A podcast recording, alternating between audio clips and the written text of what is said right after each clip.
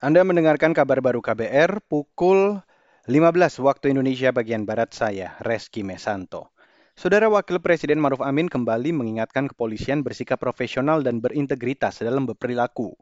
Menurutnya wajar jika Polri mendapat pengawasan berlapis dari masyarakat karena lembaga itu menjadi titik pijak seluruh ketertiban sosial sekaligus landasan pokok stabilitas ekonomi dan politik.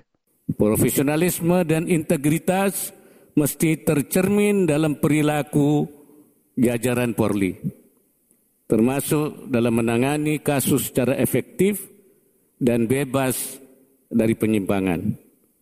Dalam konteks reformasi internal ini, peran pimpinan Polri sangat penting sebagai penentu visi profesionalisme Polri, sekaligus sebagai teladan Wapres Maruf Amin juga meminta kepolisian mempercepat reformasi di internal institusi. Maruf mengingatkan, reformasi Polri fokus pada peningkatan kapasitas dan kapabilitas di aspek digital.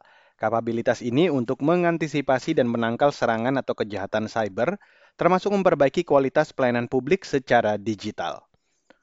Beralih ke berita selanjutnya, Saudara. Warga di Pulau Pari, Kepulauan Seribu, DKI Jakarta mengajukan gugatan ke perusahaan semen terbesar dunia, Holcim, lewat pengadilan kota Zug di Swiss, kantor pusat Holcim. Kepala Divisi Kajian dan Hukum Lingkungan LSM Lingkungan Walhi, Puspa Dewi menyebut, produksi semen Holcim telah meningkatkan emisi karbon dan memicu perubahan iklim global. Imbasnya terjadi banjirop di Pulau Pari, merusak ekosistem perairan dan merugikan nelayan di wilayah itu.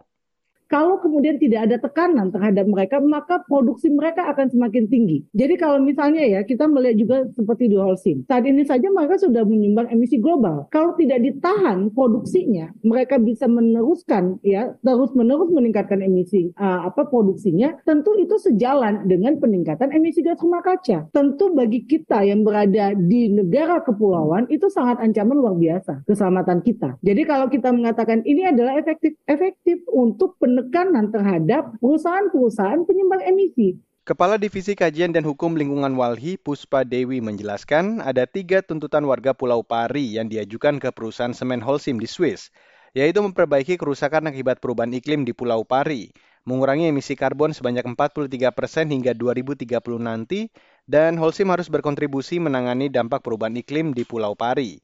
Walhi juga telah mengumpulkan dukungan publik secara daring lewat walhi.or.id. Baiklah saudara, demikian kabar baru yang dipersembahkan oleh kantor Berita Radio. Saya Reski Mesanto.